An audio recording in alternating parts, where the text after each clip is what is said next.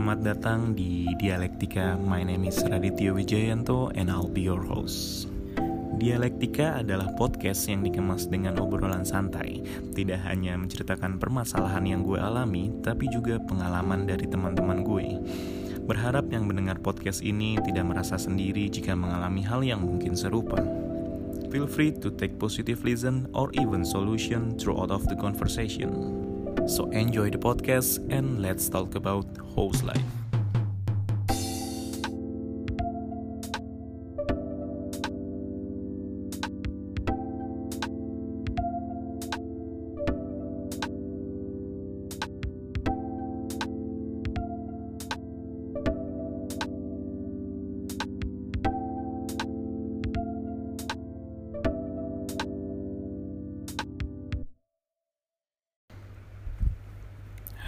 Semuanya.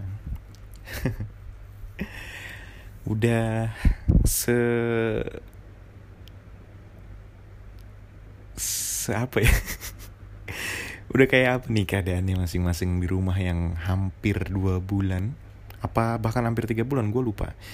Kita uh, negara kita atau khususnya Jakarta gitu menerapkan PSBB gitu untuk teman-teman gue yang super ekstrovert sih gue denger keluhan mereka banget gitu yang kayak tiap hari udah gemeteran pengen bawaannya pengen keluar bawaan yang pengen udah gue kerja di kantor ya deh. Gue gue mau ketemu teman-teman gue gue mau bebas aku mau bebas gitu. Kalau buat gue sendiri sih yang sebenarnya suka-suka aja di rumah mungkin ini tidak terlalu sulit gitu. Cuman gue mencoba mengerti teman-teman gue yang nggak bertahan juga gitu loh. Tapi ya atas nama siapa pun gue memohon gitu sama semua orang yang masih punya kemampuan untuk stay di rumah stay at home ya sabar sedikit lagi lah. Karena hmm, mungkin itu salah satu bentuk pertolongan kita buat negara ini gitu bahkan bentuk empati kita sama teman-teman kita yang yang bekerja di rumah sakit gitu. Karena nggak sedikit juga gitu korban yang berasal dari uh, perawat dan dokter gitu karena sibuk menangani kasus ini gitu loh di luar semua kontroversi atas konspirasi yang ada gitu juga. Well hmm, gue ternyata masih menyimpan dokumentasi gue obrolan dokumentasi obrolan gue sama teman gue Suryo gitu. Waktu itu ini jauh banget sebelum terjadi pandemi ini kita tuh pernah uh, tukar cerita. Dia, dia menceritakan pengalaman dia KKN dari kampusnya gitu untuk uh, pergi ke Lombok gitu. Selama tiga bulan di sana untuk uh, mingle sama native di sana untuk mempelajari atau bahkan memberi bantuan memberi masukan. Ya layaknya orang-orang KKN gitu loh ya. Gue berharap sih buat yang denger ini gitu ngerasa sedikit mengimajinasikan dirinya gitu kita ada di Lombok gitu. Kita lagi liburan di sana atau kita lagi main ke desanya mereka gitu. Karena seperti yang kita tahu kita juga lagi nggak bisa ke mana-mana teman-teman teman-teman gue yang sebenarnya anak traveling banget gitu. Nggak bisa juga ke mana-mana untuk orang-orang yang udah bekerja kelas keras setahun kemarin mungkin sudah menabung dan pengen liburan gitu. Tetap nggak bisa gitu kan karena ada pandemi ini. Semoga episode kali ini sih menghibur gitu. Kita sedikit berjalan-jalan dengan imaji, imajinasi kita diiringin obrolan gue sama teman gue itu sih harapannya gitu. So enjoy the podcast and let's talk about house life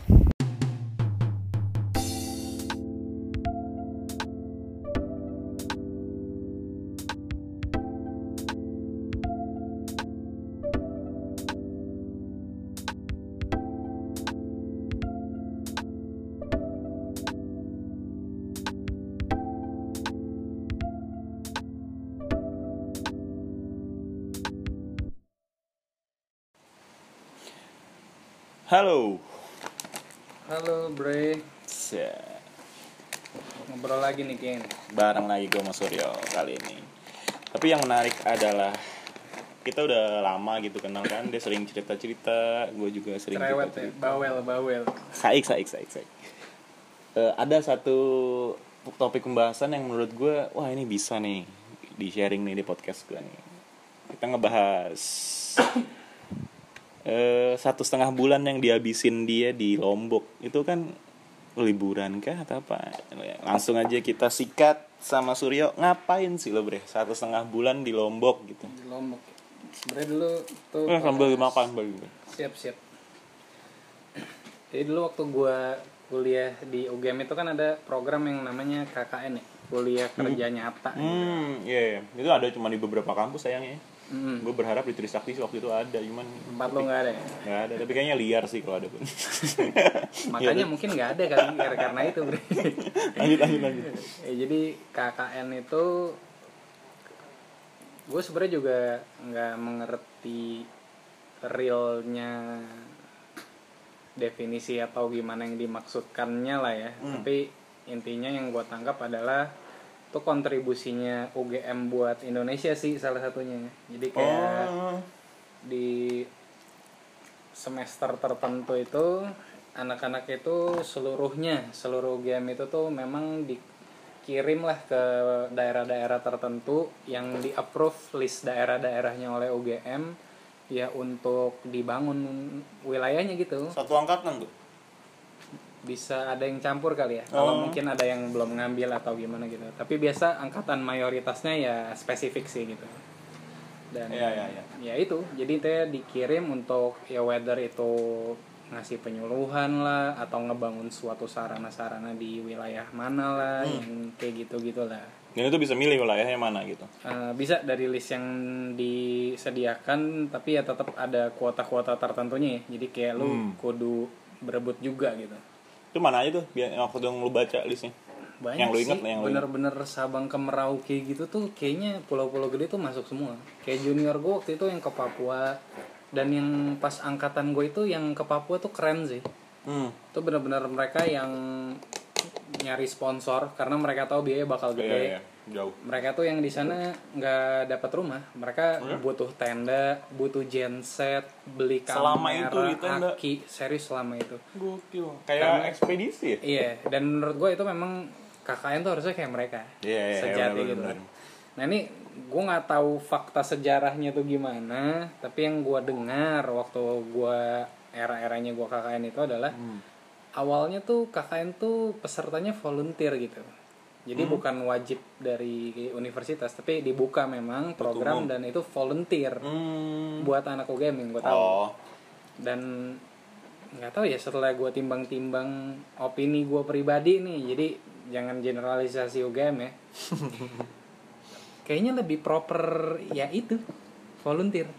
Karena biasa yang volunteer gitu emang mereka kecenderungannya mau berkontribusi gitu buat Yep. daerah tujuan nah ini karena diwajibkan yang gua rasakan fakta yang terjadi itu jadi kayak banyak liburan terselubung dan gua adalah salah satu bukti hidup bahwa waktu itu gua memang incaran utama gua adalah liburan, Liburan. terselubung nah that's why waktu itu program sih sebenarnya range sekitar plus minus dua bulanan gitu Mm-mm. Tapi realnya gue gue satu setengah bulanan terus abis itu gue selesai gue cabut. Teman-teman gue ada yang memang stay sampai dua bulan tuh juga ada sih. Oh. Intinya gambaran KKN UGM itu ya seperti itu waktu era gue. Iya iya. Tapi sebelum lahir yang memilih Lombok itu ada top list lo yang aku pengen nih sini nih sebenarnya. Apa memang ah udah gue Lombok aja lagi. Tadi gue mikir kan kayak Papua tuh keren gitu ya.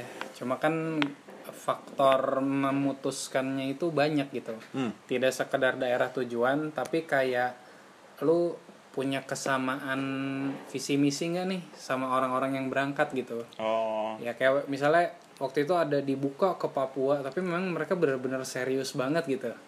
Gue nggak akan seserius itu. Jadi gue memilih gue mau nyari yang gitu. iya gue mau yang agak lebih santai lah dan itu pun kan udah kuotanya rebutan Hmm. orang-orangnya programnya juga lu lihat dulu gitu ya pokoknya gue end up di sebuah kelompok yang udah kita memutuskan ke lombok aja gitu dan menurut gue Lombok kayaknya oke juga karena gue belum pernah ke Lombok Ah. gitu kan padahal kemarin banyak juga dibuka kayak di Alor Uh. pokoknya Indonesia yang tengah keren-keren Iya, itu iya, juga iya, dibuka iya, iya. cuma gue pikir kayak hmm ya udahlah gue ke Lombok aja lah gitu Dan lo mikir di Lombok pun lo bisa Bisa enjoy asik gitu juga lah kok ya. kayak sabi lah nih kayaknya Lombok keren gitu kan bagus pulaunya dan Hmm. banyak wahana juga oke lah gue ke Lombok akhirnya waktu itu Hmm. Dan Lomboknya Lombok mana tuh ber? Bisa lo deskripsiin nggak lo berada di desa atau dusun apa, kondisi lingkungannya kayak apa gitu. gue di Lombok Utara tuh wilayahnya Lombok Utara. Hmm, dan itu ada beberapa desa Jauh nggak dari Mataram sorry?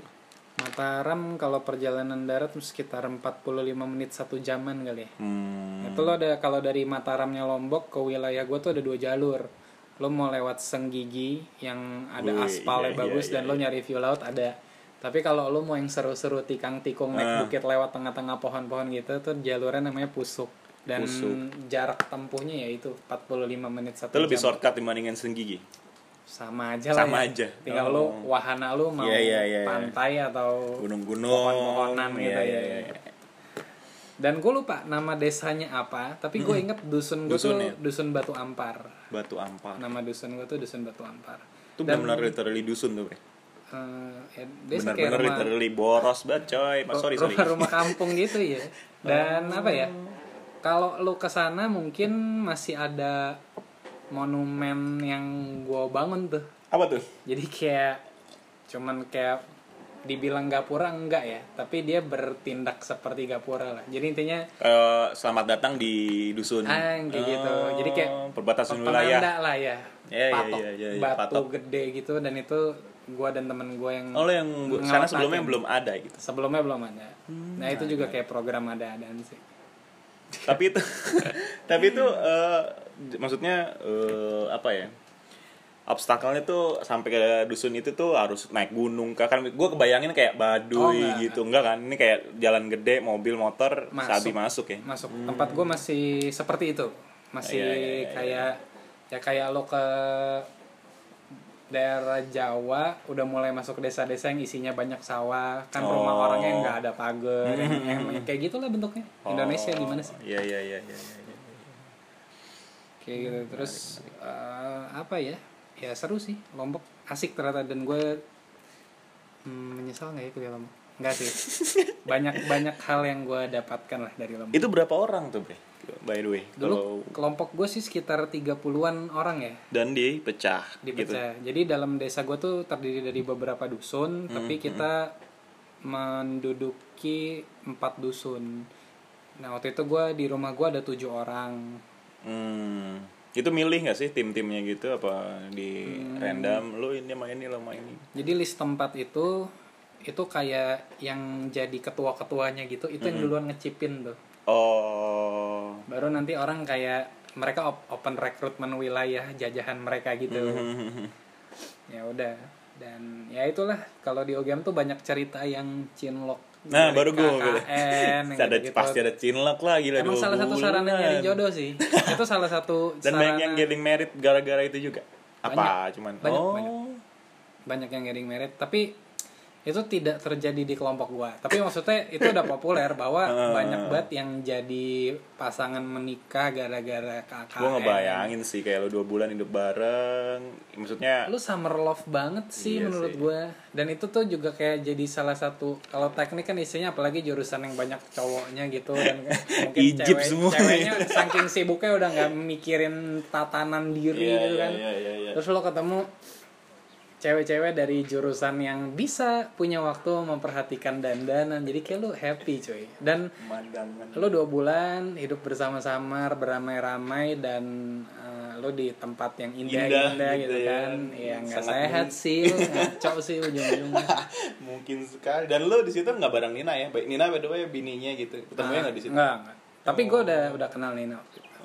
Jadi lo ada batasan untuk tidak cinlok dong. Eh, dan kayak di kelompok gue Gak ada yang bisa bikin lo cinlok juga. iya sih Iya iya iya iya. iya. ya gitulah ini Nah, lo ngomongin masalah KKN dan akhirnya ke Lombok itu job desk job desknya anak-anak UGM selain tadi yang udah secara general lo jelasin untuk membantu eh, kehidupan masyarakat. Yang lo banyak nih, yang yang lo tanya nih banyak cerita serunya sih, Bre. Nah, itu yang gue butuhin. Coba Jadi- kita breakdown deh ya. Oke oke. Jadi intinya gini, eh, kan disiplin ilmunya banyak kan? Oh, itu campuran ya? Campur. Ya, bukan, bukan dari fakultas lo doang ya? Bukan semuanya. Hmm. Dan itu memang wajib dicampur. Oh, Nah, jadi karena waktu itu kebutuhan di masyarakat kebutuhan. pun gitu ya. Bermacam-macam. Betul. Jadi ya, Gimana, gimana? kalau dipikir keren juga sih konsepnya kayak Keren sih. kita Seru dari ya. universitas semua disiplin ilmu kita keluarin dan untuk bener-bener build. nyata gitu di situ. Pakai ilmunya. bener-bener keren sih kalau dipikir-pikir aku juga baru menyadari kerennya itu ya Dan kenapa cuman beberapa universitas yang lakuin itu gitu? Eh, itu program gede Bahkan UI enggak loh. itu gede gue. soalnya programnya gede Hmm. dan tingkat kerepotannya tinggi mungkin kalau gue jadi UI pertimbangan gue gue ke Indonesia Barat deket ke Iya Indonesia sih. Tengah Timur jauh Jogja itu agak geser Tengah dikit ya. Iya. Tengah ya walaupun kayak sekarang pesawat juga jadi Iya. dan itu biayanya tinggi proyeknya besar kan nah jadi waktu itu di rumah gua gue yang dari engineering background itu berdua teman gue satu dari food technology Hmm. dua dari farmasi satu anak FA nah tapi teman gue yang FA ini waktu itu dia baru di sana sebentar kayak ibaratnya belum ngapa-ngapain banyak lah Mm-mm. Tapi cuman ya kodarullah bokapnya sakit parah waktu itu Oh. bahkan sampai meninggal dunia waktu itu jadi Hmm. dia Jadi harus kayak- balik duluan. dia emang harus balik duluan Dan itu ada term waktunya nggak sih? Maksudnya harus minimal lo nggak di sana tiga minggu gitu. ada Kecuali Arjen ya. ada ada Hmm. dan sebenarnya ujung-ujungnya akhirnya kita berpikir udah kita backup dia aja Oh. jam kerja dia nanti nice, kita nice, isi nice. form gitu dan ya udah sesuai disiplin ilmu gitu. Dan dan ya itu ketika kita eksekusi project-project kita itu Mm-mm. ya itu banyak banyak cerita menarik lah. Apa itu misalnya? contoh nih ya. Dan gue banyak ketemu pribadi-pribadi menarik Oh juga sih. pastinya. jadi intinya gue ke sana itu dari Jogja kita naik bis men. Dari karena Jogja ke Bali naik bis lewat pelabuhan Oh. dari Bali darat ke pelabuhan buat lagi makan budget juga kali ya. makan budget emang mahal kan kalau Iya, kita iya, iya. pesawatan gitu dan kita rame barang kita juga melebihi capacity luggage gitu gitu Hmm, kira kita milih naik bis Oke. Nah lu harus diwajibkan membawa apalah kayak buku atau apa gitu untuk sumbang sih sana nggak sih? enggak sih Oh enggak. emang ya Terapan ilmu aja yang lo mau sumbangin ke sana buat ngembangin itu udah daerah cukup gitu ya. Oh. pokoknya ya barang yang lo bawa sesuai program yang lo bakal lakukan aja. Oke oke oke. Terus lanjut tuh. Naik bis dari Jogja ke Bali, terus nyampe lah dengan ya capek ya Pasti, perjalanan pasti. gue lupa tiga hari kali kalau nggak salah nyampe dan ya udah gue di sana tinggal di rumah warga kan hmm, gue nggak gue bener-bener nggak tahu orang di Lombok itu culture-nya kayak apa. Especially di dusun gue desa gue sendiri tuh SDM SDM seperti apa gitu. Dan serius gue belajar banyak banget di Lombok nih menarik. Mungkin gue cerita paling pertama ini ya keluarga yang gue tempat gue tinggal dulu gitu. Hmm, Nah, sebenarnya ada suatu paradigma yang kurang bagus juga dari program KKN yang Yep. gue nggak tahu sih universitas selain UGM merasakannya juga atau enggak. Tapi ketika lu ke daerah yang perlu dibangun dalam tanda kutip, mungkin memang SDM-nya itu berbeda dengan eh, kota-kota yang udah lebih maju di Indonesia. hmm. Bahkan di Pulau Jawa sendiri itu gue baru merasakan memang ya Pulau Jawa itu cukup maju ya Dan ternyata. itu setelah fakta gua ya kalau segitu se- Fakta, itu sebelum ratanya itu Iya, SDM kita memang, gitu. memang belum merata dan itulah salah satu luar biasanya Indonesia karena Iya. memang Indonesia tuh gede banget, gede tidak mudah sih. untuk mengatur wilayah Iya. ini gitu loh. Dan ya gue salut lah sama para pemimpin bangsa kita tuh mereka keren sih sebenarnya. Iya iya iya. Dan ya udah akhirnya gue datang paradigma jelek yang tadi gue maksud adalah orang KKN tuh dipikirnya pokoknya mereka datang cuma bakal ngasih ngasih ngasih ngasih ngasih gitu. Dan menurut gue itu suatu In- maksudnya dalam kedua ngasih materi gitu. Materi. Oh. dan itu suatu hal yang menurut gue negatif Iya iya. iya. karena menurut gue membangun itu lebih baik SDM-nya dibenahin sih Betul betul.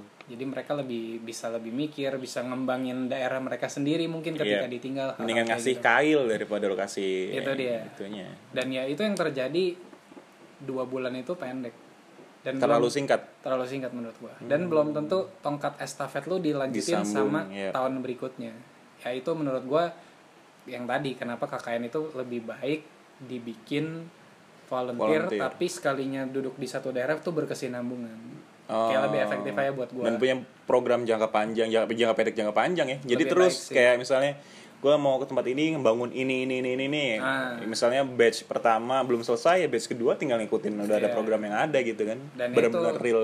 tidak luput dari kasus-kasus asusila itu fakta Iya sih, iya gue belak belakan ya orangnya maaf ya tapi maksud gue eh, nggak jangan salahin UGM-nya Iya, karena kalau yang ngawur itu orang ya Itu dia yang ngawur dia ya. dianya yang ngawur bukan masalah kampusnya Hmm. dan bukan UGM juga tidak memperhatikan itu diperhatikan tapi ya itu segitu banyaknya anaknya yang bengal juga selalu menemukan Susah cara untuk bengal itu, gitu kayak. nah jadi ya udah intinya singkat cerita gue nyampe di suatu rumah ini gue langsung ngobrol ke teman-teman gue gue bilang kita di awal jaga jarak dulu ya jangan langsung deket kenapa kita cek ombak dulu mereka tuh gimana karena nanti kalau mereka udah eh, ngelewatin batasan-batasan privacy kita kita udah nggak enak deh selama dua bulan jadi di Iya, awal benar. mendingan kita yang atur jaga jarak kita tentuin siapa yang kita gampang masuk circle kita dari warga gitu Hmm. Nah, itu gue udah, udah dari awal gue udah ngomong kayak gitu. Nah, dealing dealing di awal kita datang, gue nggak mau dealing tuh, temen gue aja lah dealing sama yang tuan rumahnya si suami istri ini. Itu random tuh lo milih rumah dan milih keluarganya itu random. gua Nah, tuh nggak tahu random apa suggestion dari mana? Nah, gue nggak tahu. mereka. Itu dia gue nggak tahu. Itu kayak jodoh aja gitu. ya.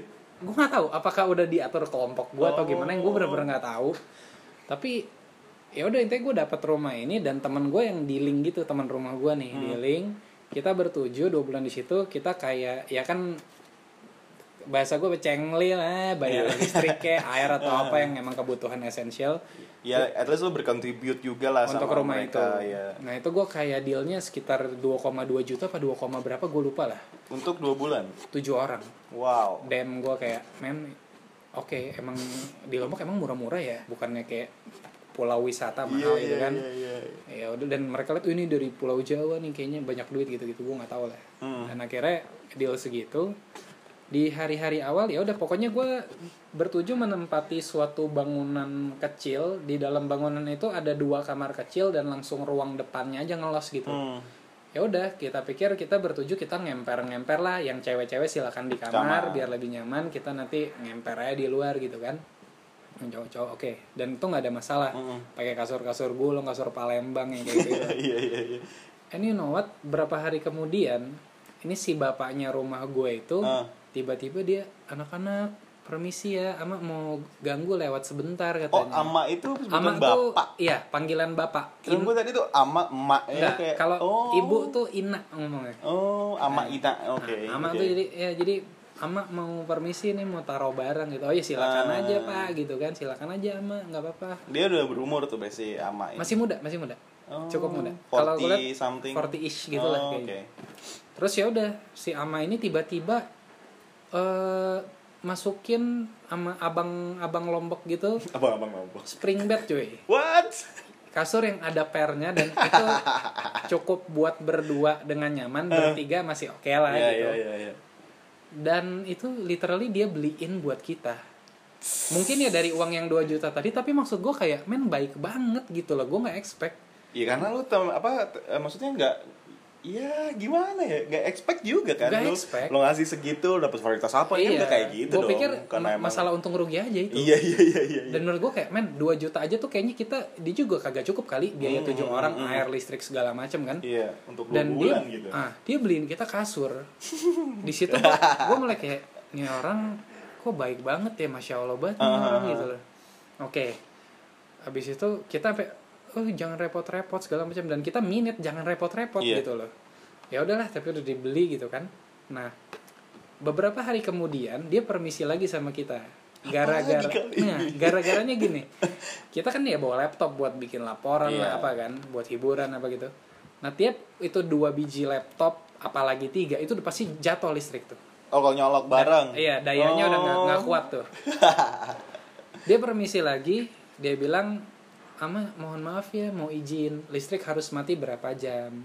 Oh iya nggak apa-apa kok ama nanti kita bisa atur waktunya soalnya Dan ama dia excuse gitu iya ya. dan dia mau naikin daya listrik coy What the ah. supaya kita cukup listriknya dan di depan jadi gini rumahnya tuh kayak agak tanah gede Heeh. kalaupun ada pagar itu pun pagar kayak dari bambu-bambu yang udah dipotong tipis-tipis doang Iya, iya, gitu iya, cuma iya. buat gua, pembatas kebayang, doang kebayang, aja gitu pagar hidup gitu nah jadi rumahnya tuh tanah agak gede dan di depan bangunan gua tinggal itu itu ada namanya bruga bruga itu adalah kayak pendopo kayu gitu Oh. yang atasnya tuh kayak jerami apa daun-daun gitu lah Iya iya iya. iya, dan iya. bruganya rumah gua itu tuh agak gede bruganya rumah gua tuh agak gede Nah, nyaman lu bisa buat nongski nongski. bisa banget buat nos dan itu super Oh. PW adem masalahnya nggak ada colokan itu pun ditambahin sama bapaknya rumah gua men Ditarik sampai situ. ditarikin gitu. kabel dia bilang supaya kalian kerja nggak di sini terus kalian bisa kerja di depan Tapi bentar deh, ini maksudnya itu itu culture-nya si orang-orang Lombok yang emang selalu nice sama tamu? Atau lu pernah compare nggak sih sama teman-teman yang lain ya dapat rumah yang lain kayak sangat gua compare kita mampir ke rumah satu sama lain. dan gimana? Mereka per, per- maksudnya perilakunya sama aja atau? Enggak.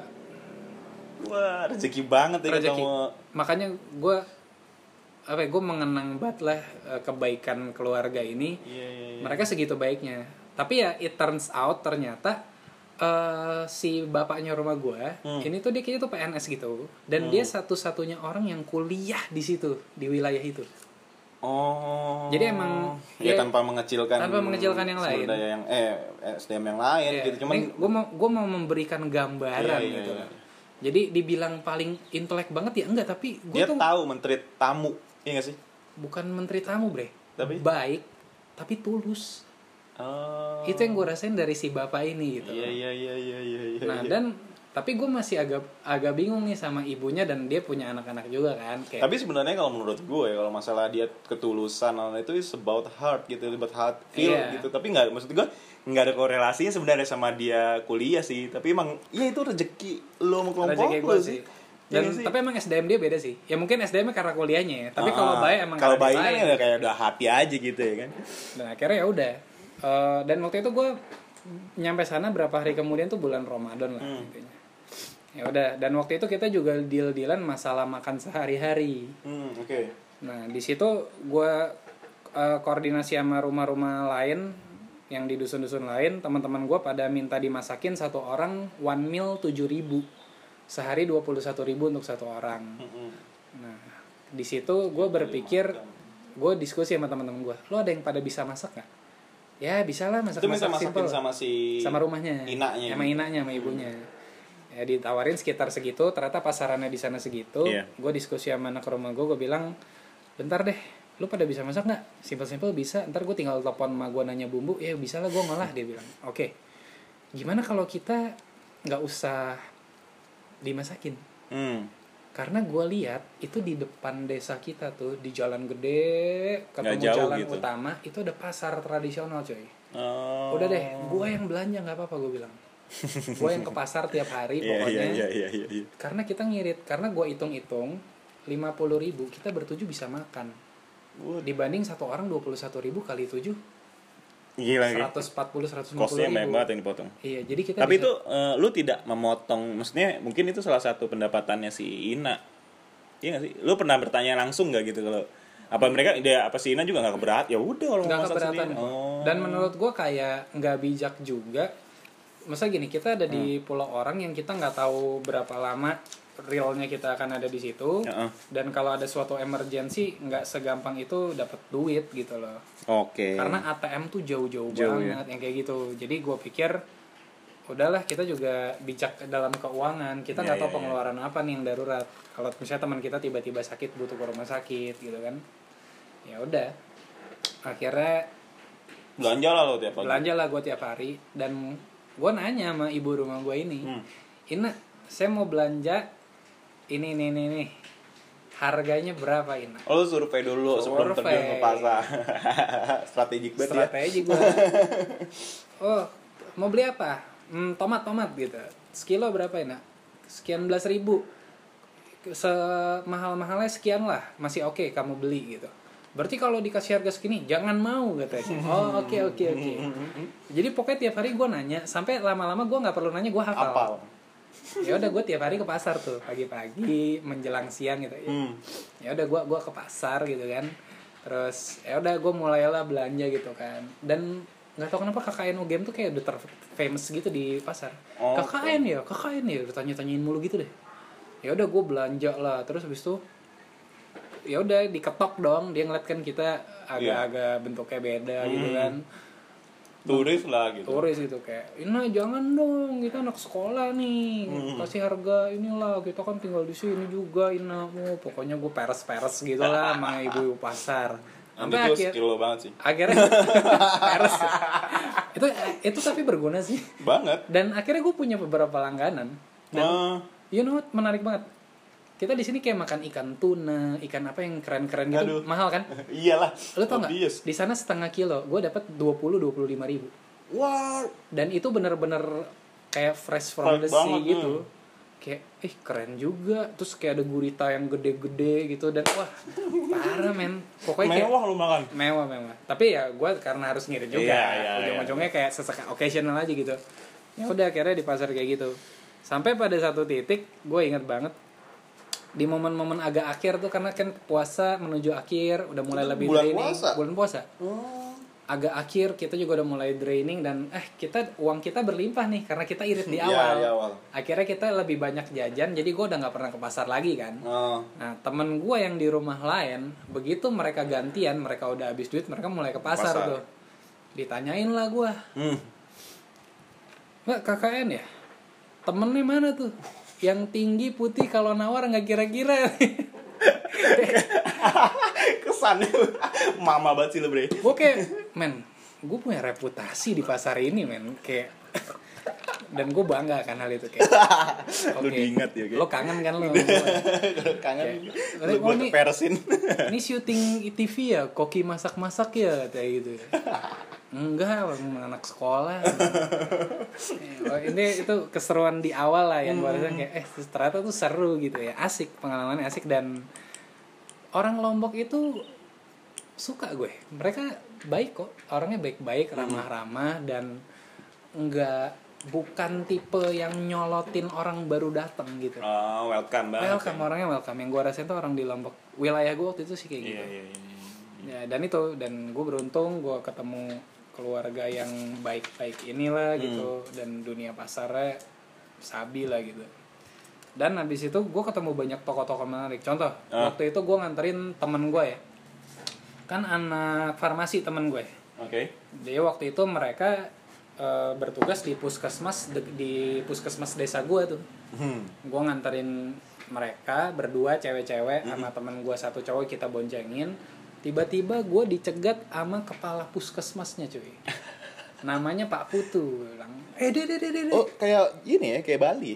Orang Bali. Si emang Pak- orang Bali? Pak Putu ini orang Bali. Oh. Deh deh deh deh deh, sini sebentar sebentar gitu. Eh, ya udah gue berdua oke ya gimana pak? Ada yang bisa dibantu gitu. Kalian KKN UGM ya? iya. Eh, sini masuk ruangan saya masuk ruangan saya. Hmm. oh ya kenalin pak. Suryo Rizky gitu kan. Terus em, oh ya saya Pak Putu saya kepala puskesmas di sini gitu Hmm. oh Bali udah Iya, keluar iya, dah iya, gitu kan iya, iya. oh ya gimana pak saya mau minta tolong bisa nggak sama kalian wah ini interesting banget men Iya, iya. jadi dia bilang eh intinya di desa kita tuh ada sekitar seratusan kepala keluarga Hmm. dulunya itu tidak pada punya toilet sendiri Oh. pada nggak punya toilet sendiri dan Toilet akhirnya toilet umum gitu bareng. kebon sungai literally gitu Eh tapi itu berarti gila ya se- setinggal itu ya maksud gue. iya ini ya kenapa gue mau cerita karena gue pengen Berarti lu juga termasuk eh enggak ya karena lu udah punya udah rumah modern iya, iya, rumah iya. gue WC udah bagus Iya, ya iya, gue iya, iya. Tapi ada beberapa yang memang masih kayak gitu ada gitu. makanya dia minta tolong dia bilang jadi dari 100 sekian kepala keluarga ada gue lupa belasan apa 12 apa berapa yang belum punya, Punya. WC dan saya masuk ke mereka udah nggak masuk nih mungkin kalian Maksudnya? yang mau maksudnya untuk bikin Oh, mereka udah kayak ngapain sih, Pak? ah, Gitu. mereka udah bebel deh Approach-nya udah nggak berhasil gitu loh ya. Iya dia udah nyadar kayak kalau dari gua udah nggak bisa dah. Ah. Mungkin kalian yang baru masuk, kalian mungkin bisa ngambil hatinya untuk ngajak Iya, bangun. iya, iya. Wah, gue mikirnya gini, program ya. programnya gimana dulu? Hmm. Masalahnya WC itu biayanya kan gede. Gede. Kalau misalnya biayanya dari kami pak, kami nggak punya uang gede. Hmm. Bangun satu aja kayaknya saya ragu bisa dia bilang. Nah, dia cerita nih. Ini sampai konspirasi desa cuy. Anjir. Serius. Jadi dari bupati dan camat itu turun budget. Kocak sih lu kucluk-kucluk, iya kan, out of nowhere, dipanggil, terlibat tiba-tiba dalam konspirasi desa. Jadi gini. Untuk program pembangunan toiletnya itu, Hmm. itu ada toilet cemplung. Lu cuman butuh pa- pasir tuh cukup bisa dicari lah di sana. Semen satu Free sak, maksudnya? free. Oh, Pipa tuh satu lonjor, pipa agak gede tuh, Ya, satu ya, ya, batang ged- sendiri gitu. Hmm. Sama eh ya udah lokasi tanah di bagian rumah mereka sendiri aja gitu. Nah, oh niatnya setiap satu eh, kepala keluarga satu punya satu. Oke. WC-nya juga WC cemplung sih. Maksudnya Hmm. yang kayak mungkin 2-3 tahun itu bakal ditutup lubangnya dan mereka bikin baru. Pindah. Hmm. Nah, masalahnya programnya ini tuh bagus menurut gua. Hmm. Jadi kalau di sana tuh kan ada namanya kepala dusun. Oke. Yang menurut gua itu tidak ada di struktur PNS, tapi kayak ketua adatnya gitu. Hmm. Nah, proyeknya gini. Dijanjikan kepada si kepala dusun itu kalau ada kak, satu kakak bikin WC, dia tuh dapat hadiah cash. Waktu itu gue lupa cashnya tuh satu setengah apa dua juta gitu, gede men. Nah, yamul. Gini deh, lu 100 kepala keluarga, Ah. katakan lu pegang 150 juta. Heeh. Gini deh, itu kan gratis. Tenaganya dari pemerintah daerah. Eh, lu cuman kalau cuman beli pipa satu, semen satu sak segala macam, katakan untuk dari 150 juta lo habis 50 juta deh Iya. buat 100 kepala keluarga, tenaga kerjanya gratis, mereka dibikinin beres, lu ngantongin berapa? Cepet dong. Cepet, gue ngitungin tuh. Cepet banget bisnis langsung. gue ngitungin. Terus kenapa nggak jalan pak? Gue Iya. tanya. Eh. Saya juga nggak tahu tuh kardusnya gimana. Oh. Boom. Padahal waktu gue pertama kali datang yang harus gue saling pertama kardus kan. Hmm. Kita terfasilitate. Nah di situ gue titik dipertemukan gitu. dipertemukan dengan omongan kayak gitu. Ya gue pikir ini bukan pertempuran gue. Intinya gue pengen sama Pak Putu ini baik-baik aja, sama Pak Kadus nih gue baik-baik aja. Iya. Udah gitu aja lah. Hmm. Ya udah Pak, saya bantu di ranah yang saya bisa bantu. Intinya gue mulai ketemu tuh beberapa kepala keluarga. Gue cuman ketemu, gue dari sekian belas gue cuma berhasil ketemu tiga apa. Dan ini jadi job desk lo tanpa sengaja gitu. Jadi job desk karena eh, genre-nya masih masuk job desk gue. Iya, iya, Jadi gue iya, jadiin jam kerja juga gitu Ah, kan. ah. Dan kayak men gila gue berkontribusi gitu kan kayak iya, iya, my- in iya. my life Nyata gitu kan. banget buat dusun gitu. Dan ternyata dari tiga yang akhirnya gue bisa temui orangnya itu, Hmm. ya gue datang sama teman gue berdua kan, nanya, ini gimana nih eh, kabarnya, eh, baba baba baba, oh iya ada perlu apa? Oh iya nih kita kan kemarin ada program mengenai toilet Toilet gini gini itu, gini. ya. Dia nggak nerima, dia nggak nolak halus, Oh. nggak nolak kasar. Dia bangun, gue ditinggalin sama temen dia di teras dia tuh gimana caranya? Udah di ngelonongnya nih gitu. nyelonong aja gue gue sama teman gue sampai bingung gimana sih? kayak eh ini kan intinya oke kita ditolak Hmm. nggak baper kayak ya udahlah mungkin gue kita ini kultur yang kita nggak tahu intinya dia nolak kita cuma pertanyaan gue satu kalau ditolaknya cara begini kita cabut apa bagaimana Iya, harus gimana gitu ya. ya udah tapi intinya at the end, ah udahlah jalan aja udah. Oh. dan sejak saat itu tadinya dia warm jadi kayak dingin aja Tapi menurut gitu. gue alasannya kenapa gitu? Itu kan maksudnya ya le- lebih menurut Kalau gue sih lebih deteksi gue ya. sih. ekonomi bre jadi di dusun gua mungkin satu desa kali ya Heeh. itu tuh rata-rata tuh kerjaannya tuh luntang lantung Oke. atau sekedar dagang kecil-kecilan di Mhm. pasar yang kayak gitu-gitu aja gitu loh jadi memang ekonominya tuh nggak bagus di wilayah gua itu Cuman kan maksud gue itu kan mau dibikinin gratis kan. bahkan untuk beli semen satu sak beli pipa no money Oh. itu yang gua lihat nah Iya iya iya iya. Ini yang paling interesting akhirnya gue datang ke satu rumah. Mm. Jadi lo bayang nih gue mencoba mem- memvisualisasi melalui suara lah ya. Jadi lo bayangin dari jalan aspal yang pas-pasan lewat dua mobil, tiba-tiba ada cabang masuk jalan yang cukupnya cuman buat papasan dua motor dengan nyaman. Kayak jalan setapak gitu lah. Iya, iya. Udah mulai masuk Gang gitu ah, ya, ya. gang masuk-masuk rumah desa nih. Nah, dari jalan setapak itu belok lagi tegak lurus itu tuh ada rumah warga dengan sepagar hidup pagar hidup bambu dan tanamannya itu. Nah, ketika lu jalan masuk ke rumah warga itu, lu bayangin ada sebidang tanah tuh agak gede di pojok kiri atas tuh rumahnya dia Mm-mm. nah terus di bagian bawahnya tanah bidangnya itu eh ba- bagian bawah tengah ke kanan itu tuh kayak eh, tempat cuci-cuci dia Oke. sumur dan kayak gitu-gitunya deh. Nah terus di pojok kanan atasnya bidang tanah itu itu ada lubang sampah sama pohon-pohon bambu terus sisanya jurang gitu ke sononya. Nah ya udah pikiran gue wah ini tanah tuh gede ya dan kayaknya feeling gue toiletnya bakal dibikinnya di mana lah gitu kan. Akhirnya gue ngobrol lah sama si istrinya ini karena suaminya lagi cabut dan Ini lo nemuin akhirnya nemuin keluarga yang mau dibangun. yang mau Oh. bahkan si bapaknya ini udah excited, Excited banget, ya. wah saya nunggu nunggu nih saya kira proyeknya kok nggak jadi jadi atau apa bahkan dia udah beli kloset jongkok gitu Oh, Belang. yang niatnya cuma cemplung lu bikin hole Ah. gitu doang. Oh. Terus gue pikir, ya udah gue tanyain aja, pipa punya nggak pak? Udah siap.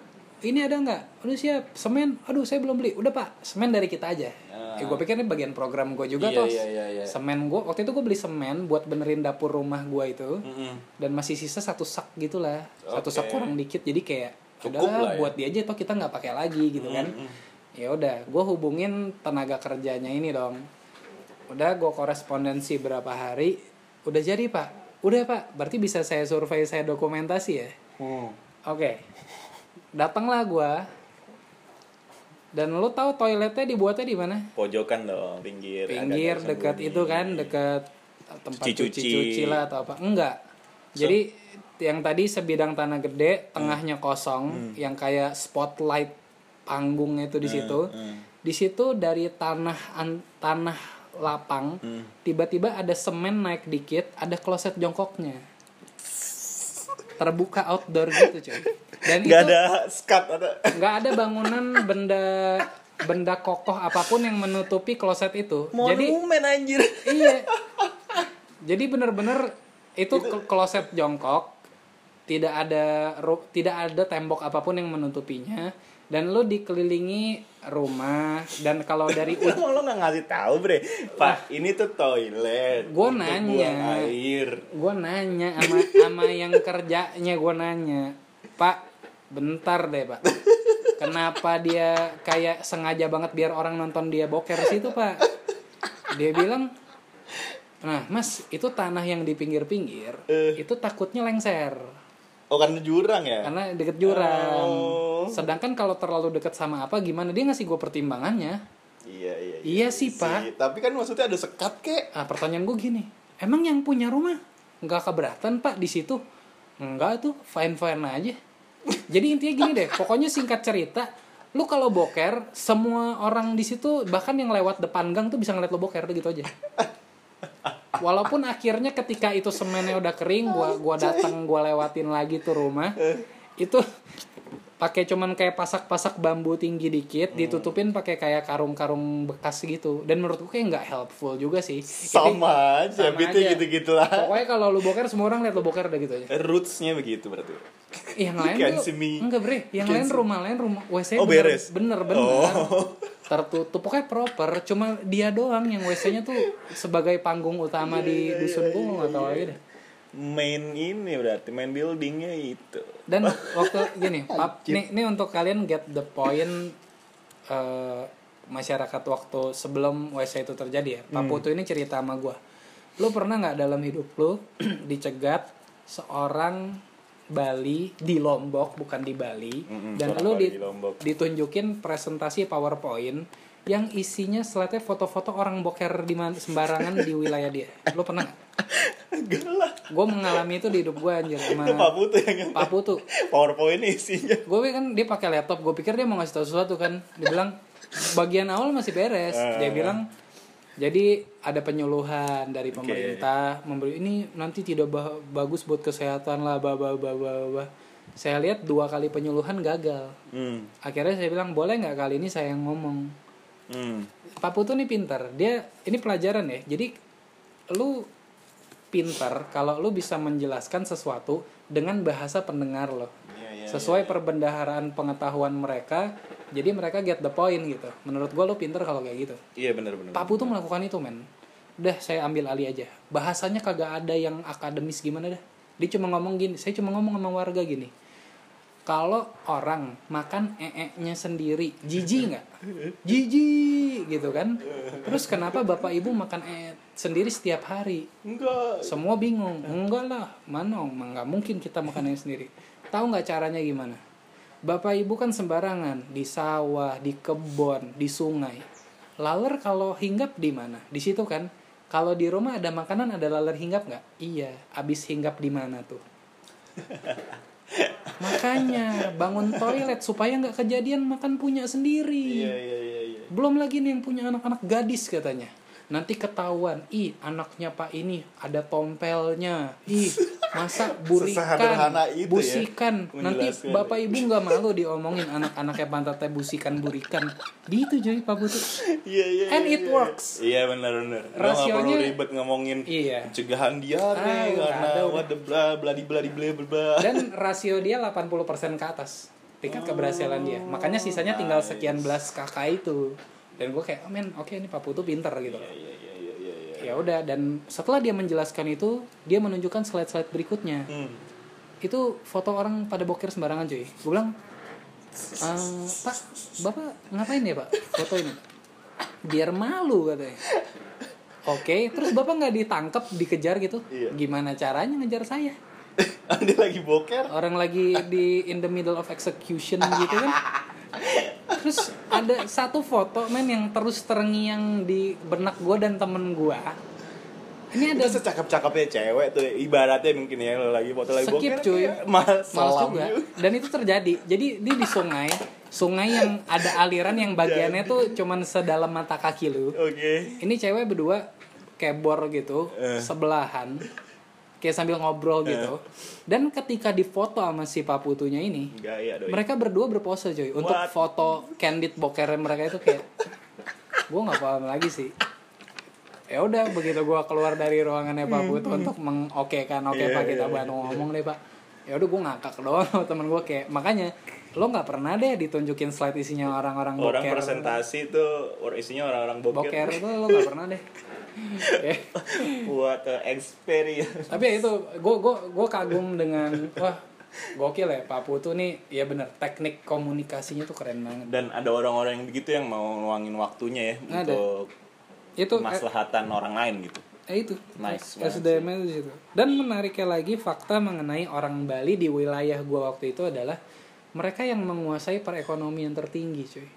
oh Jadi waktu itu- juragan-juragannya orang Juragan-juragan Bali orang ini. Bali. oh Waktu itu gue pernah ke pasar, biasalah sendal jepit gue diklaim sama sepuh-sepuhnya masjid desa, lu mau komplain. Disembelih gue. itu terjadi di masjid mana pun juga. Dia ngambilnya depan muka gue gimana? gue mau komplain, sembelih gue. Gue kayak di awal itu beli sendal jepit berapa kali gue udah lupa dah. Dan ketika gue beli, kebayang sih gue kayak pak Iya bapaknya cuma ngasih tangan doang gitu cabut, kayak. cabut dan ditinggal. Dia kayak enggak saya ingetnya ini sendal saya. Emang ngomong apa? Yoi, yoi. Akhirnya udah gue beli sendal jepit kan di di di pasar yang agak lebih pertokoan dikit gitu. Ada satu toko yang menurut gue oh, cukup oke nih. Hmm. Nah, gue panggil kan, Ina ini berapa? Aku nggak mau dipanggil Ina. Aku nih orang Bali, aku dipanggilnya Meme. Oh, Oh. ya oke, udah gue nurut aja. Oh iya, dia cerita tuh. Emang udah berapa lama? Kok bisa ke Lombok? Kayak gue ajak ngobrol Iya, aja iya, kan. iya, iya. Berarti udah kayak udah nenek-nenek gitu sih. Oh. Ya udahlah ngobrol dia cerita-cerita. Oke. Ini toko dia paling keren menurut gue, salah satu toko terbaik gitu. Terus waktu itu gue nyari aqua-aquaan gitu Mm-mm.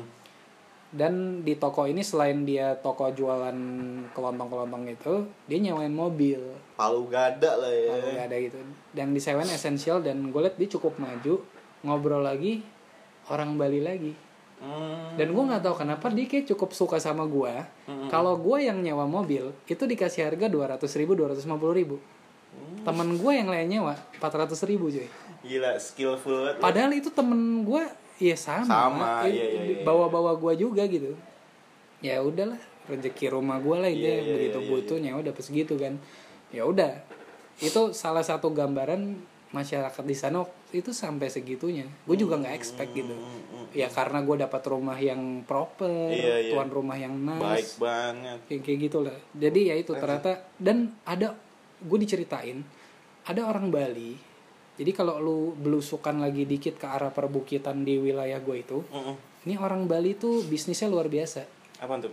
dia punya kebun itu tanaman buah yang keren-keren termasuk vanila cuy What?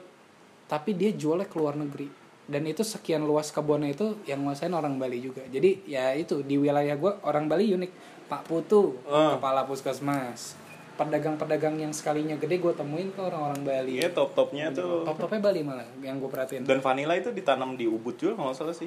Jadi ada di mereka Bali juga ada Iya kan bawa itu kayak ke Lombok. dan itu kan kayak quality control tanahnya kayak Iya. ribet-ribet gitu lah dan ya itu di desa gue gue juga pernah punya pengalaman ikut yang namanya nyongkol Apa tuh? Nyongkol, itu arak arakan manten joy Oh. jadi ada gerobak gede isinya speaker speaker jumbo dangdut dorong di mari.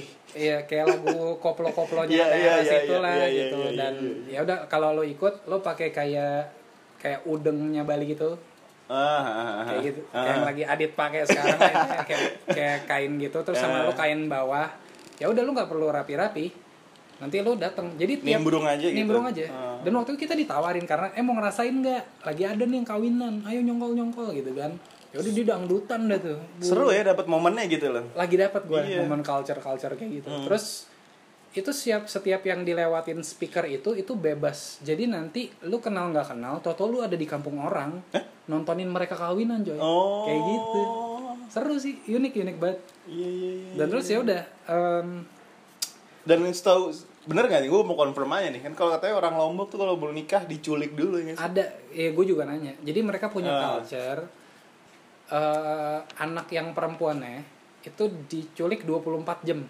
Sama si lakiannya nih. sama lakinya pokoknya dibawa kabur orang tuanya nyari nggak ketemu pokoknya nanti tiba-tiba lakinya nongol udah gua culik berhasil Wah, Budayanya. yang gua diceritain itu kayak gitu lah Eh, lu Nah. jago sih anak-anak Jakarta sih. parah aja nggak orang tuanya kayak biasa aja Iya. oh baru sehari Akhirnya biasa diculik. seminggu gitu ya.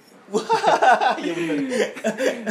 terus habis itu satu satu hal lagi mengenai masyarakat sana Hmm. gua perhatiin di posyandunya itu tuh banyak anak kecil kekurangan gizi terus Hmm. banyak kasus keguguran sampai yang ibunya meninggal karena dinikahi terlalu kecil bukan sekedar muda Oh. jadi bisa tuh kadang ada anak SD SMP itu udah nikah cuy Gila sih. dan nikahnya sama orang-orang yang babe-babe bangkong yang kayak gitu Hmm. Nah, dan tetangga rumah gue nih ada satu anak SMP. Aduh, kok gue lupa namanya, yang merasa bersalah gue. Dia tuh salah satu anak kecil juga yang punya pikiran yang bagus di wilayah gue. Hmm. Jadi dia bilang, ya udah biasa di sekolah itu tiba-tiba eh, temennya tiba-tiba nggak sekolah lagi. Hilang gitu aja. Udah hamil karena peraturannya nggak boleh. Hmm. SMP dan dan gue ngeliat dianya aja kayak, men, lo anak kecil banget di mata gue gitu loh. Iyalah. Dan akhirnya dia cerita dia Apa bilang, yang sudah tumbuh lu bayangin? makanya gue juga bingung. Segrimis-grimis gitu. dinikahinnya sama orang umur waktu itu 40 tahun yang Ya gitu-gitu. ampun. Nah, dan, Dan itu, itu permasalahan di sana. dan banyak wilayah men kayak waktu itu temen gue denger iya di Mentawai pun Kayak sama gitu juga. iya Dan habis itu dia tapi gue seneng waktu itu dia bilang, "Kalau aku aku nggak mau, Kak. Aku mau sekolah dulu. Kalau bisa aku mau kuliah." Dia ngeliat kakaknya. oh Kakak aku eh, ada pikiran-pikir Pikiran radikal dia. yang beda dari Dari kampungnya lah. culture-nya kampungnya gitu dia ya bilang, "Aku mau sekolah farmasi kek atau apa. Pengen ngerasain sekolah di kota lah, di Mataram gitu. Hmm. Pengen punya pekerjaan yang lebih baik dari orang-orang di desa dia." Nice. Dan aku baru mau nikah ya nanti kalau aku udah selesai sekolah kuliah kalau bisa. Ya itu cita-cita aku sih kak. Dia bilang Iya, gitu iya, kayak iya, iya, iya. men dan hanya dia satu-satunya anak yang gua ketemu dengan mental yang kayak gitu. Dan lo ngerasa gak sih lo seberuntung itu akhirnya lo bisa? Parah di rumah itu sih. Ya kita Iya kan, makanya kayak lo punya- eh, gila ya kita tetangga kita kayak gini Iya. kayak gitu-gitu. Terus abis itu ya udah itu jadi PR lah masalah kurangnya gizi anak banyaknya anak yang udah lahir dan terlantar. Simply karena orang tuanya nggak siap nikah kan terlalu Iya. kecil. Dan nikah pun kadang hanya sekadar di latar belakangi karena Hutang. anak kayak dibeli lah yang Iya. kayak gitu ya kayak gitu gitulah Iya, nah terus sedih sih. yang menarik lagi juga ada ini. Apa tuh? Tetangga dekat rumah gue ya. Ini juga gue bakal banyak cerita ini sih kemanusiaan di sana lah sosial Hmm. social life Jadi culture teman gue ini yang food technology ini, hmm. mereka kayak ya bikin program apa cara bikin selai gitu. oh Cara bikin ini itu. Jadi dari ngajarin- sumber daya alam yang ada di Iya, sana gitu Dari buah, beli gula di pasar, cara Iya, iya, ngolahnya iya, gini, iya, iya, iya. bikin ini, bikin itu. Jadi ibu-ibu juga cukup seneng lah ya. Iya iya iya Dan iya. udah banyak yang ngetekin, eh nanti blendernya jangan bawa pulang ya buat rumah saya gitu ya banyak. ya kita ya iyain aja dulu, Iya, iya, tapi iya, ntar iya, kan iya. kita yang ngatur gitu kan. Ah. Habis itu ya udah Eh, si ada yang dekat rumah gue. Terus gue sukanya di sana ini kopinya tuh enak cuy. kopi Kopinya tuh enak. Hmm. Jadi mereka biji kopi sendiri, sangrai sendiri. Dan waktu itu teman-teman gue tuh ini ikut nyangrai yang food technology ini Ah. ya karena program mereka juga. Jadi kayak oh kita tiap hari apa nyangrai. Jadi kumpul di satu rumahnya si ibu siapa tempat misalnya. lainnya gitu Tempat nyangrainya. Oh. Jadi mereka tuh bikin areng gitu banyak gitu di bawah.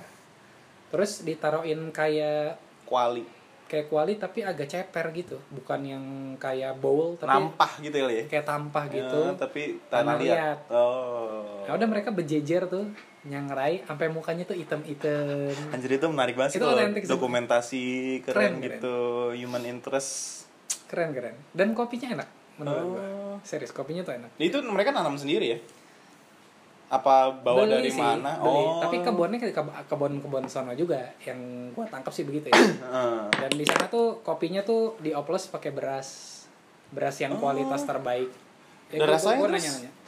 apa yang menurut Menurut gua rasanya tuh bukan ke asam dia.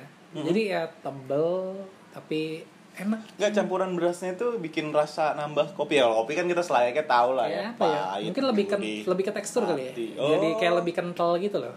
iya iya yang gua iya, rasain iya, gitu. iya iya iya iya ya gua nggak tahu apakah bubuk berasnya mengeluarkan tajin dan iya iya ya gua iya, nggak iya, ngerti iya, lah iya, ya. iya, iya, iya. Tapi intinya kopinya enak gitu ya Enak kopi enak. Hmm. Dan waktu itu ya cerita sosial lagi. ya Ini ada satu tetangga gua, ibu-ibu.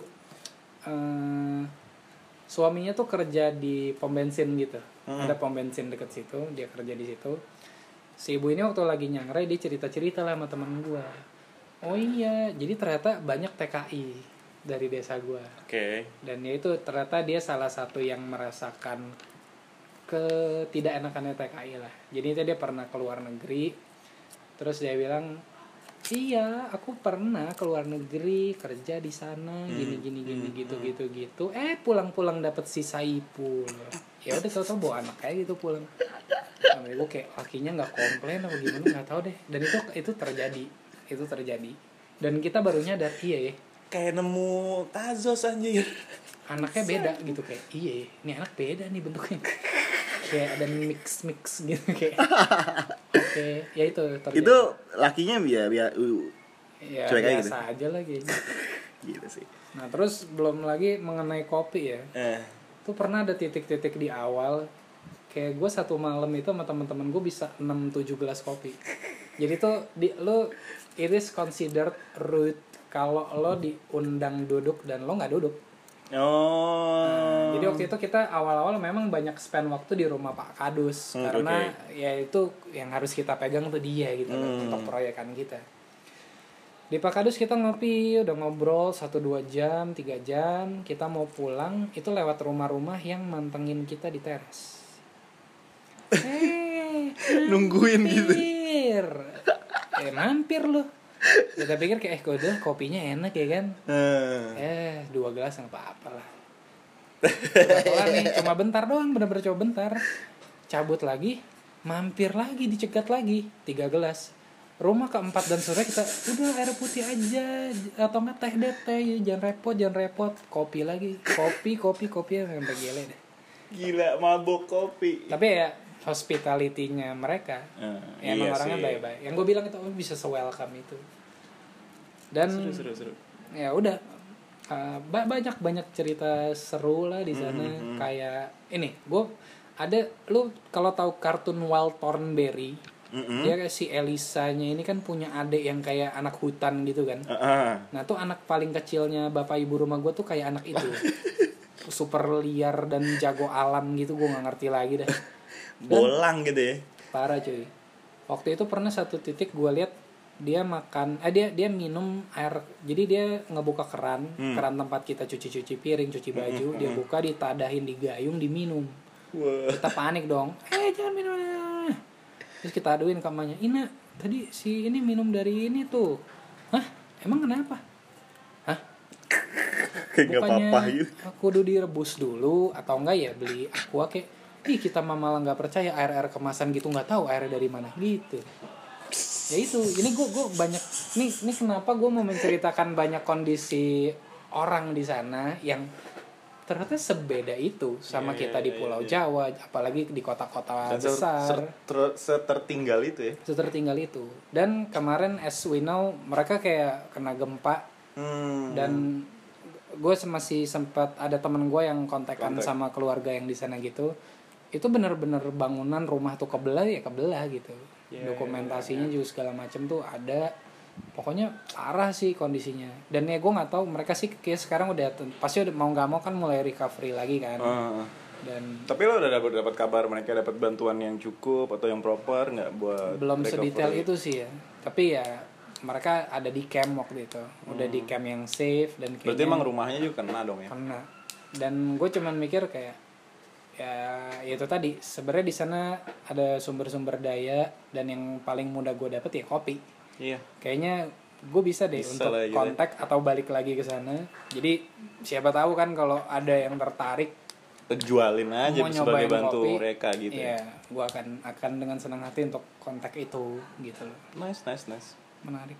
Ya itu banyaklah kondisi sosial di Lombok dan apa ya banyak banyak bersyukur sih Pasti sih. gue nggak kebayang kalau gue hidup di apa wilayah yang seperti itu berkepanjangan dan apa ya Setertinggal itu. bikin malu deh kalau kita banyak ngeluh tuh janganlah karena menurut Iya gue lo yang udah hidup di Pulau Jawa Jabodetabek misalnya Apalagi. kota-kota besar di Jawa gitu itu menurut gue lu sangat banyak mendapatkan yang nikmat deh pokoknya Hmm. udara SDM orang-orangnya ya walaupun yang rese juga banyak ya kan cuman ya tetaplah lu lebih Ya kita bisa menikmati banyak fasilitas gitu menurut gue sih. Kayak enak enak ya mereka gue ngebayang sih toilet tengah-tengah rumah.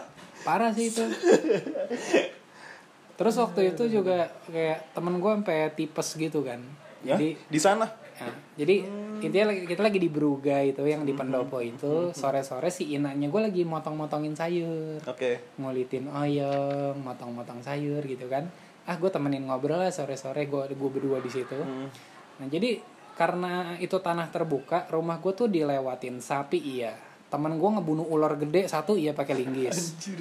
Ada anjing-anjing, tapi anjing di sana tuh lebih ke hama ya. Oh, karena suka liar banget rese dan gitu. belum di rabies suntik gitu ya. Ah, masih banyak anjing yang eh, mereka sendiri mengakui bahwa ini emang udah hama sih. Hmm. Walaupun waktu itu udah ada population controlnya gitu, tapi tetap Ya masih sih kalau tersisa jalan yang digili aja kan anjingnya se kayak gitu. Dan ada kucing, pokoknya berbagai binatang tuh lewat di depan halaman gue lah.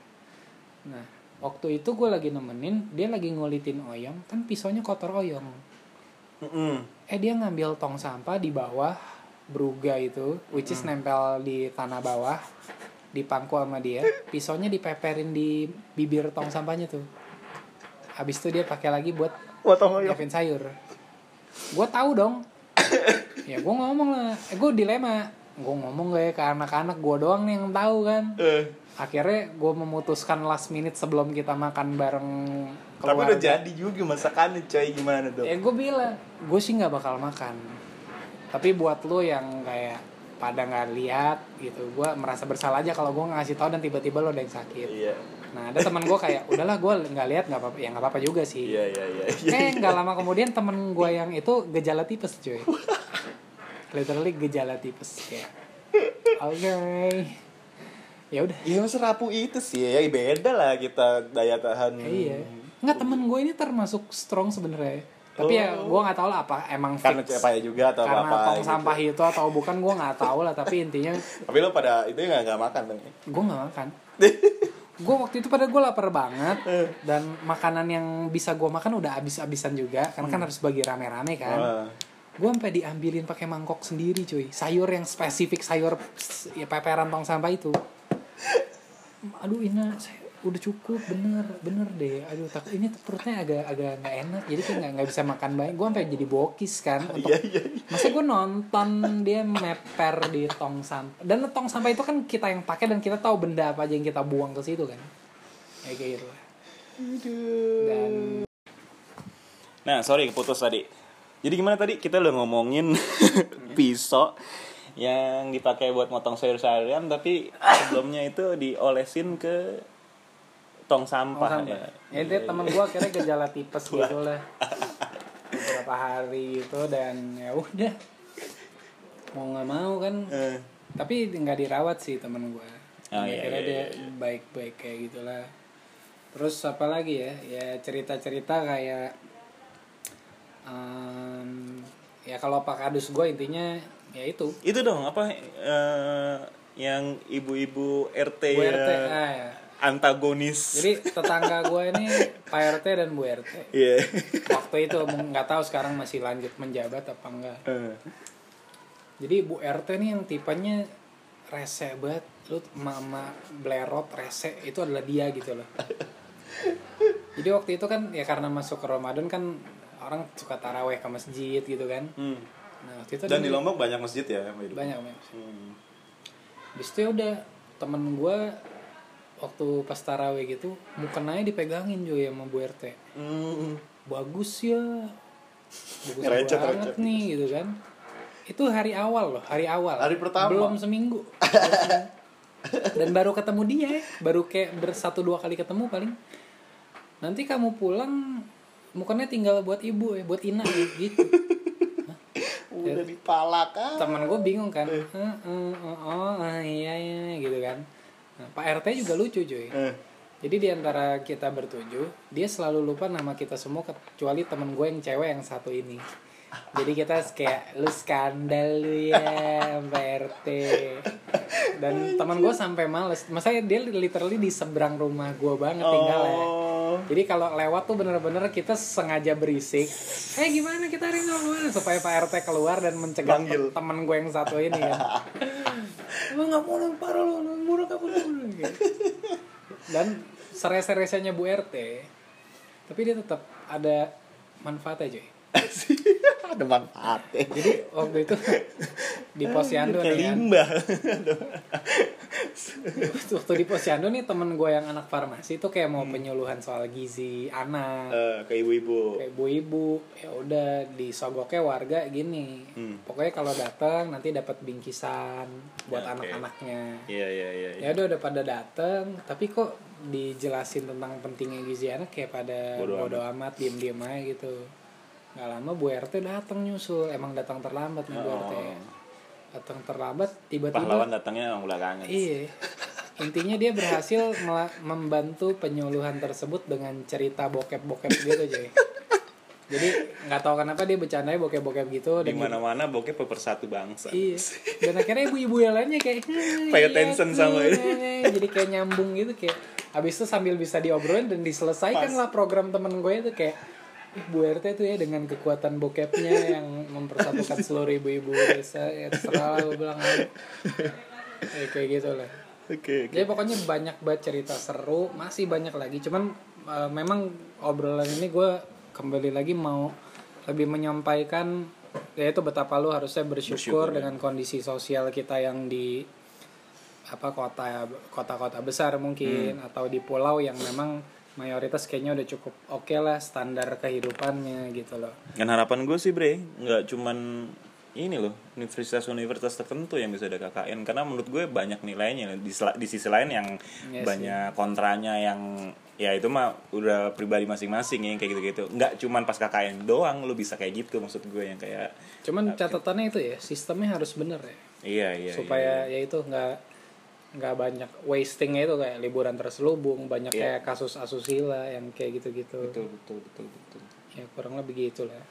Dan kenangan terakhir. Nah ini nih, kan tadi lu bilang nih cerita nih masalah lo disambut baik sama tuan rumahnya di sana Iya. gitu. Nah, lu bisa ceritain tuh gimana akhirnya ketika kalian harus pulang atau terutama lu harus pulang duluan kan karena Iya, gue gitu. pulang duluan. Ya intinya waktu itu gue ada sesuatu urgency personal yang gue memang harus pulang agak lebih cepat waktu itu. Hmm. Jadi teman gue tuh pada nyampe dua bulan, gue satu setengah bulan itu gue udah Harus cabut pulang. duluan gitu. Tapi tanggung jawab gue gue selesain semua sih di situ. Oke.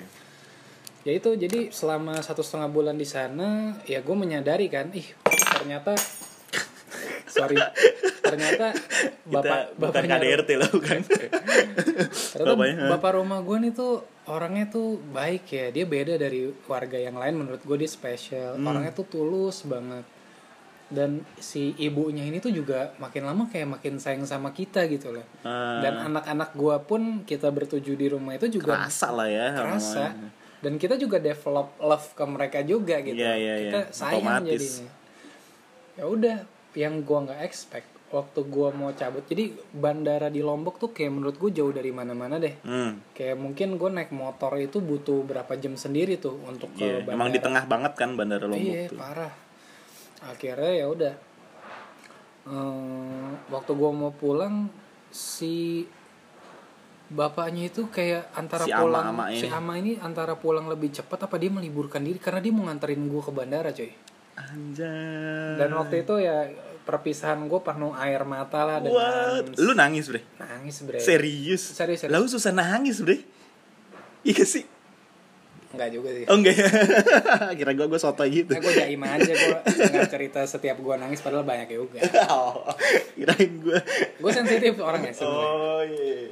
Ya itu akhirnya ya gue perpisahan sama si inahnya sama si amaknya gitu kan Bak- jadi nggak tahu ya itu tapi itu kayak suatu tradisi KKN sih Hmm. yang lu udah attach di sana siapa pun yang perpisahan mayoritas nangis sih lah. gitu Pasti. waktu gue temukan di Itu mendadak jadi keluar bagian dari keluarga lu juga Iya. soalnya gitu. ya ibaratnya kalau sekarang gue balik ke sana lagi.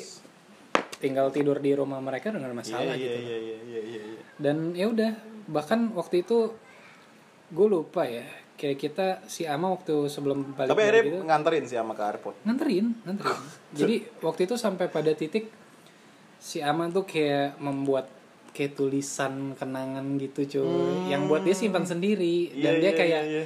minta kita meninggalkan suatu surat kenangan buat dia juga gitu itu literally Seru sih. request dari dia gitu dan waktu itu benar-benar apa sampai ada beberapa foto kita bersama yang di print yang sampai hari ini masih Masih ada. di tembok Iya, dia iya, iya, gitu. iya, iya, iya. Ya gue nggak tahu apakah hancur ketika gempa atau enggak ya. Wah, sedih sih. Bahkan sampai beberapa tahun kemudian itu ada temennya anak rumah gua Hmm. itu some way somehow end up di rumah itu. Ngomong aja gitu, saya temennya ini. Enggak, dia ngelihat foto dan dia ngeliat ada temennya di situ kan. Kebetulan mampir dan Ada foto temen gua itu iya, kan iya, iya, iya. di kontak. Eh lu waktu itu ke Lombok dan lu tinggal di rumahnya si bapak dan ibu ini ya? Iya, lu lagi ngapain situ? Enggak, ya gue lagi ada proyekan dan gue end up di rumah ini aja gitu. Dan itu masih ada. iya, iya, Dia sampai tulis eh fotoin dong kayak apa kan kita lihat dan itu ditempel bersama tulisan-tulisan kenangan itu gitu loh. nah Kayak gitu. Dan ya waktu itu gue kan karena gue nggak mau terlambat flight gitu lah karena repot takutnya. Gue nyampe bandara tuh agak early. Ya udah gue masuk ke ruang tunggu dan flight gue masih satu satu setengah jam lagi gitulah kayaknya. Gue ditelepon sama temen gue men. Sur, lu jadi flightnya jam berapa? Lu udah di dalam nih? Udah di dalam Ah. gua. Udah udah bye bye bye bye lagi. Tapi itu gue masih udah udah cool, udah udah udah cooling down gue. Iya, iya. Tapi si udah Ama setenang gitu. Terus habis itu ya udah eh, pas teman gue telepon em- emang kenapa? Ada ada yang urgent apa enggak yang gue lupa atau apa gitu kan. Kalau lu bisa keluar lagi keluar lagi aja sih sur. Si ama kayak masih pengen ketemu, banget aja bener-bener spend terakhir So sebelum lu cabut lah gitu cuy akhirnya ya udah gue keluar lagi pecah lagi cuy. Pecah lagi. Amanya pecah ya gue ikut pecah Iya lah gitu. Kayak itu gimana sih? Kayak dia dia bener-bener literally kayak gue dipeluk cuy kayak Gue ngebayang sih kalau lu datang lagi terus ketemu lagi. parah pasti mungkin ketemu aja di- mereka bisa Pecah tears lagi Iya gitu sih. sih. Kayak itu yang gue bayangin ya. Ketemu siapa pun Gila, dari anak-anak rumah gue lah gitu. Itu tulus sih men. tulus. Lu ber gue gue sih berasa banget serius. Makanya gue gue yakin gitu kayak gue berasa banget nih. Hmm. bapak ibu ini tuh tulus banget gitu. Dan ketika pas teman-teman gue akhirnya juga udah final pulang pulang pulang pulang juga ya gue nanya terakhir terakhir gimana? Mana pecah. Parah nggak kuat gue lu tau gak sih si Ina gini si Ama gini kayak iya parah banget. Dan rumah lain itu ya nangis juga pasti attach tapi iyalah. dari track recordnya yang gue rasakan kebaikannya itu tuh beda genre gitu lah. Iya, dan gue iya. ngerasa gue bersyukur banget tuh di gue di rumah itu gitu loh. Iya iya iya iya. dan ya salah satu cita-cita gue juga sih kalau gue tuh pengen memang balik lagi ke Lombok. Baru gue mau nanyain gitu. Lo Pengen. punya gak sih keinginan untuk balik pengen lagi? Dan sebenarnya kalau dibilang tujuan besar gue itu gue bukan pengen kayak ke Gili gitu nggak. Mungkin kalau ditanya Rinjani yes gue pengen banget naik Iyalah. Rinjani. Gitu tapi gue yang gue agak wajibkan diri gue mampir dulu. Mampir. Nggak nginep nggak apa-apa. Tapi gue ketemu mereka lagi aja. Nggak mungkin sih lo pasti ditahan sih. Iya sih. Nggak mungkin. atau nggak kayak ntar balik lagi apa gini. Iya. ya walaupun ini ya. Atau enggak gue bahkan kepikir ya itu just oke gue mau nginep tapi gue kayak gue kangen kopinya kan. Iya, iya, dan iya, the iya, whole iya, proses ibu-ibu itu yang super serius itu menarik banget yang mungkin gue pengen experience itu ya kapan-kapan lah kalau kita punya rezeki Budget kita ke gitu sono ya. Iya. dokumentasiin kalau sekalian nggak usah kalau nunggu kita punya budget ada orang yang punya budget dan bisa oh join join dan gue akan dengan senang hati ngegaitin Bisa. ke dusun sabi itu. banget tuh menarik tuh dan mungkin kalau gue udah di wilayah pasar tradisional yang tempat gue punya reputasi itu gue masih gue masih inget jalan deh kayaknya kayak ya memang gue masih inget jalan-jalan di sana lah. Masih masih cukup nempel banget lah ya karena banyak kesan juga ya. Sebenarnya kota Mataram sendiri juga nggak gede-gede banget Hmm. masih lumayan fasih lah. Ya itulah Lombok dan segala kenangannya. segala kenangannya. Seru ya ini kayak buat gue cerita ini kenapa akhirnya ayo dong lo ngobrolin ini dong di podcast gue karena apa ya punya nilai gitu buat gue kayak somehow kita bisa gitu traveling ke ujung timur Indonesia bahkan Iya. termasuk ujung barat Indonesia. Tapi kita lupa gitu sama culture-nya yang penduduk situ. Bahkan kita cuman Nih, menganggap diri kita ya turis aja udah gitu. Kayak udah foto-foto selfie experience di sana tuh menarik banget. priceless man menurut gue kayak dan gue juga penasaran misalnya kalau kalau orang denger podcast tuh ada yang bisa komen kan bisa bisa bisa kayak bisa mungkin kalau ada yang dengerin dan lu punya pengalaman serupa Exactly. gitu kayak eh gue Bisa agak kepo sih cerita di komen dikit lah bisa gitu. duker lah ya kita Iya. bisa jadi kayak bahan ngobrol Kayak lu pernah ke mana dan- iya iya apakah itu crappy experience Betul. atau memorable banget gitu seru sih bakalan seru sih mudah-mudahan ya ada yang denger amin dan mudah-mudahan ada yang mau komen jadi gitu deh coba deh sesekali kalaupun kita punya budget untuk traveling coba deh kita eh, nginepnya bareng warga sana.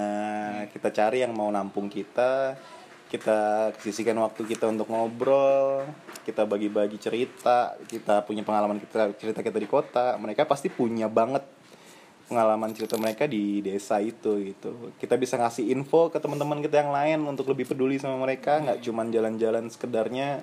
Nggak salah juga tapi ya adventure dikit lah. Seru. Ya seru-seruan lah kayak ada ya beda sedikit lah ya dari traveling traveling biasa. Ma- eh, bahkan apa ya kayak gue inget ya salah satu cara untuk nikmatin culture di kampung orang Hmm. itu adalah lo masak bareng ibu-ibu men. Menarik sih. Serius jadi waktu itu ketika jadi gue sama teman-teman gue tuh suka Hmm. mencanangkan kayak aduh kalau lagi terbatas ya udah kita makannya ngumpet-ngumpet aja. Tapi kalau lagi ada budget kita wajib banget tuh ngundang ibu rumah kita kayak masak bareng atau kayak kita yang ina samperin. kita bantuin masak udah pokoknya gitu. Dan oh itu seru banget main rame-rame.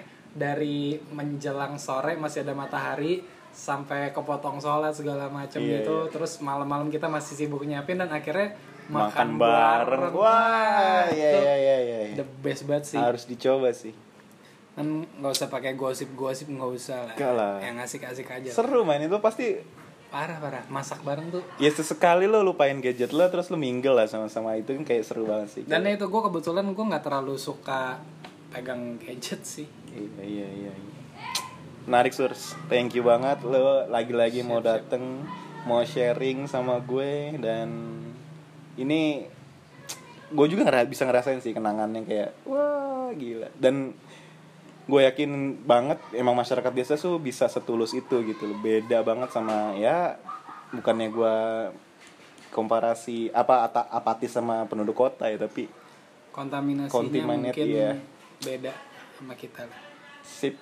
Thank you buat sharingnya, Surs. Kita Yoi. bisa ngobrol-ngobrol lagi yang lain sampai Siap, di siap. waktu yang lain.